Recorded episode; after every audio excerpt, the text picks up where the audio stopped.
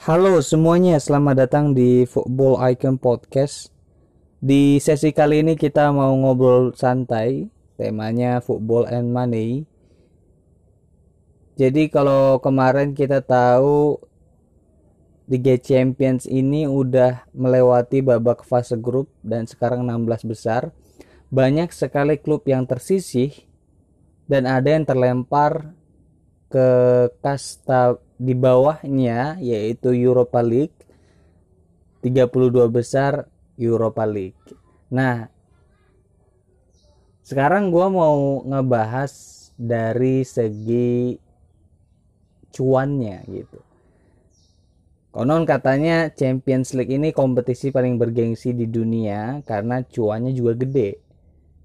Tapi ternyata kalau kita lihat eh, ke belakang tidak semua yang klub itu menjadi juara atau majunya sampai ke final semifinal mendapatkan cuan lebih besar gitu.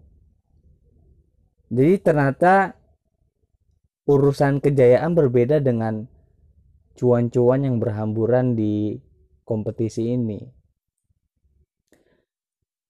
Oke sedikit kasus. Gue mau coba dari Liga Champion 2016-2017 di mana Real Madrid ketika itu juara mengalahkan Juventus 4-1 tetapi kalau kita lihat dari segi total revenue ya Real Madrid oke okay, dia mendapatkan kebanggaan.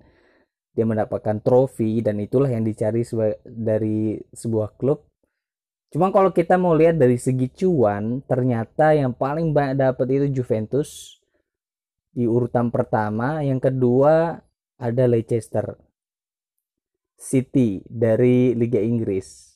Nah, ini dua klub ini kan menjadi pertanyaan. Apalagi Leicester City yang progresnya terhambat nggak sampai final gitu kan. Nah, kalau di musim 2018-2019 ketika Liverpool juara mengalahkan Tottenham Hotspur justru yang paling banyak dapat ketika kompetisi tersebut adalah Barcelona.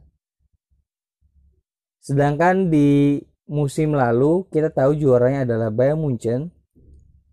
Tetapi Paris Saint-Germain mendapatkan lebih sedikit ya sekitar 4 jutaan lebih dari apa yang didapatkan Bayern Munchen dari total revenue-nya di Liga Champion. Nah ini gue juga penasaran kan akhirnya dan akhirnya gue coba riset-riset sedikit. Kok bisa mereka yang nggak juara justru dapat lebih.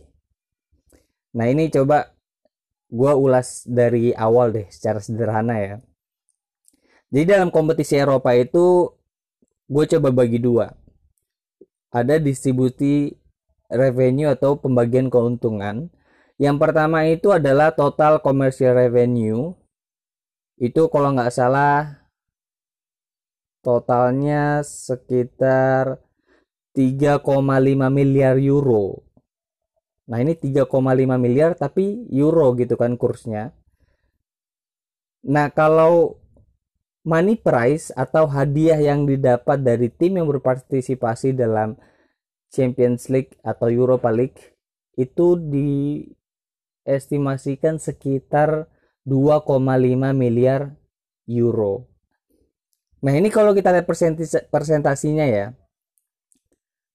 Kenapa UEFA Champions League itu jauh lebih bergengsi daripada Europa League? Bukan cuma masalah tim-tim yang bermain di sana tetapi juga masalah cuan ya kan?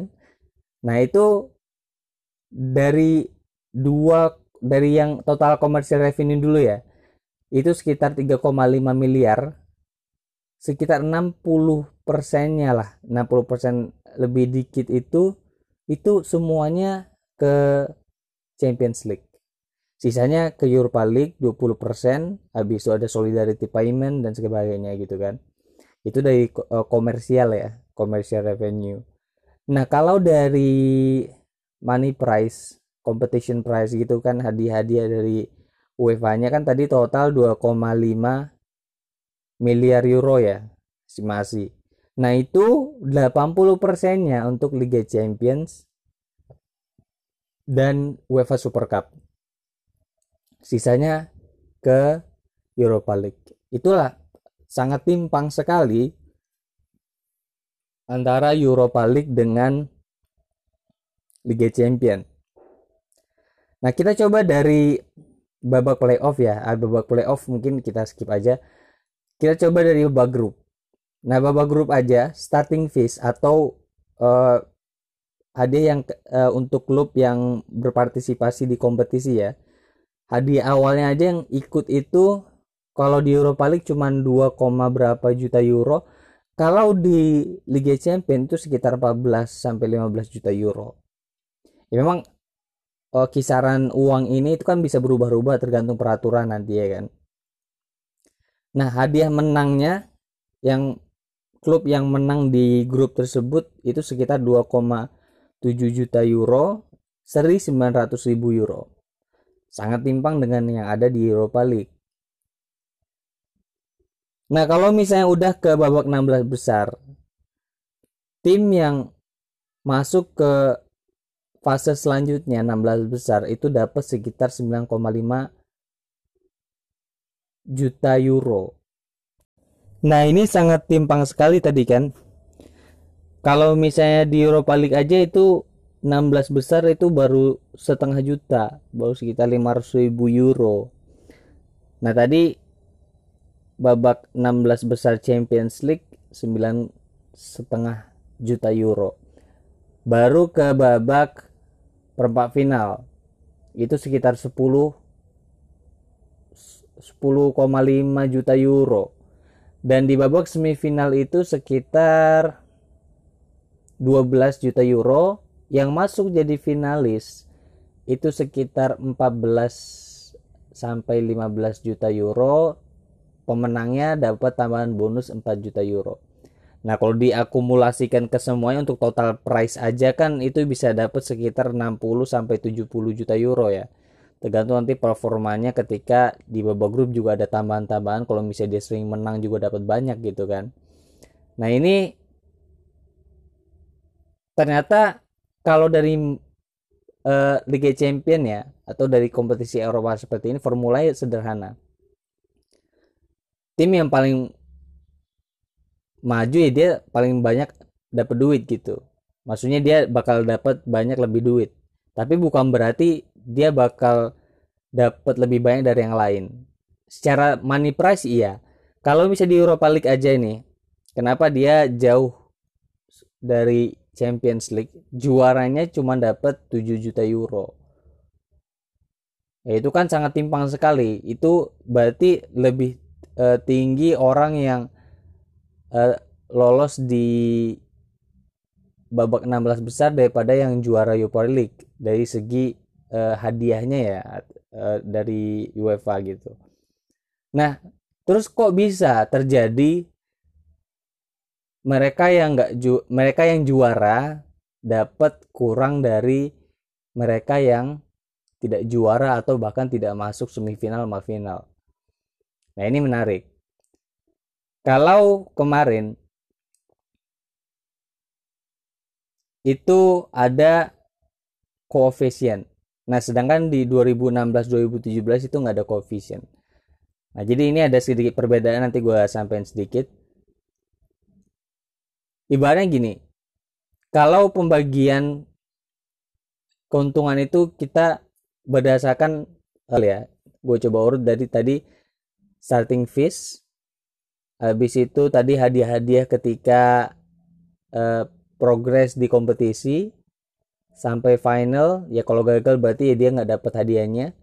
Nah habis itu selain tadi hadiah-hadiah tersebut ada market pool sama yang terbaru peraturan UEFA itu koefisien ranking. Nah ini baru diterapkan ketika 2018 atau 2019 gitu.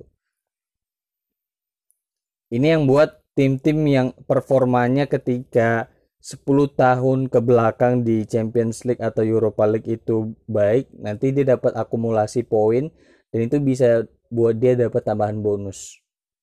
Nah, inilah yang menjadi uh, banyak faktor tim yang juara tidak selalu harus mendapatkan yang lebih.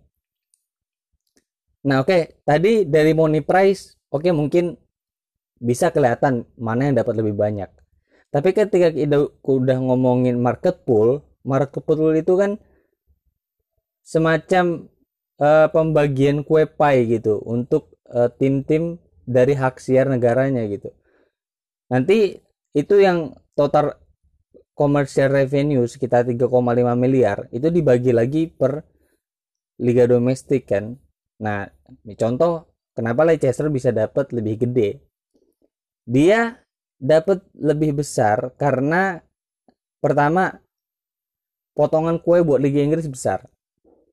Jadi tim yang dari liga domestiknya itu memberikan empat klub dalam kompetisi tersebut ada slot empat klub itu dari pembagian marketnya aja yang juara di musim lalu berarti ketika itu Leicester itu dapat 40% dari total market pool di Liga Inggris. Nah, Arsenal yang urutan 2 juga pendapatan 30%, 20% dan 10%. Beda sama klub yang cuman ngajuin 3. Jadi itu pembagiannya 30%, 20%, 10% dari total commercial revenue. Nah, ini yang buat Leicester kok bisa dapat lebih banyak daripada Real Madrid ketika di Champions League 2016-2017 kalau nggak salah.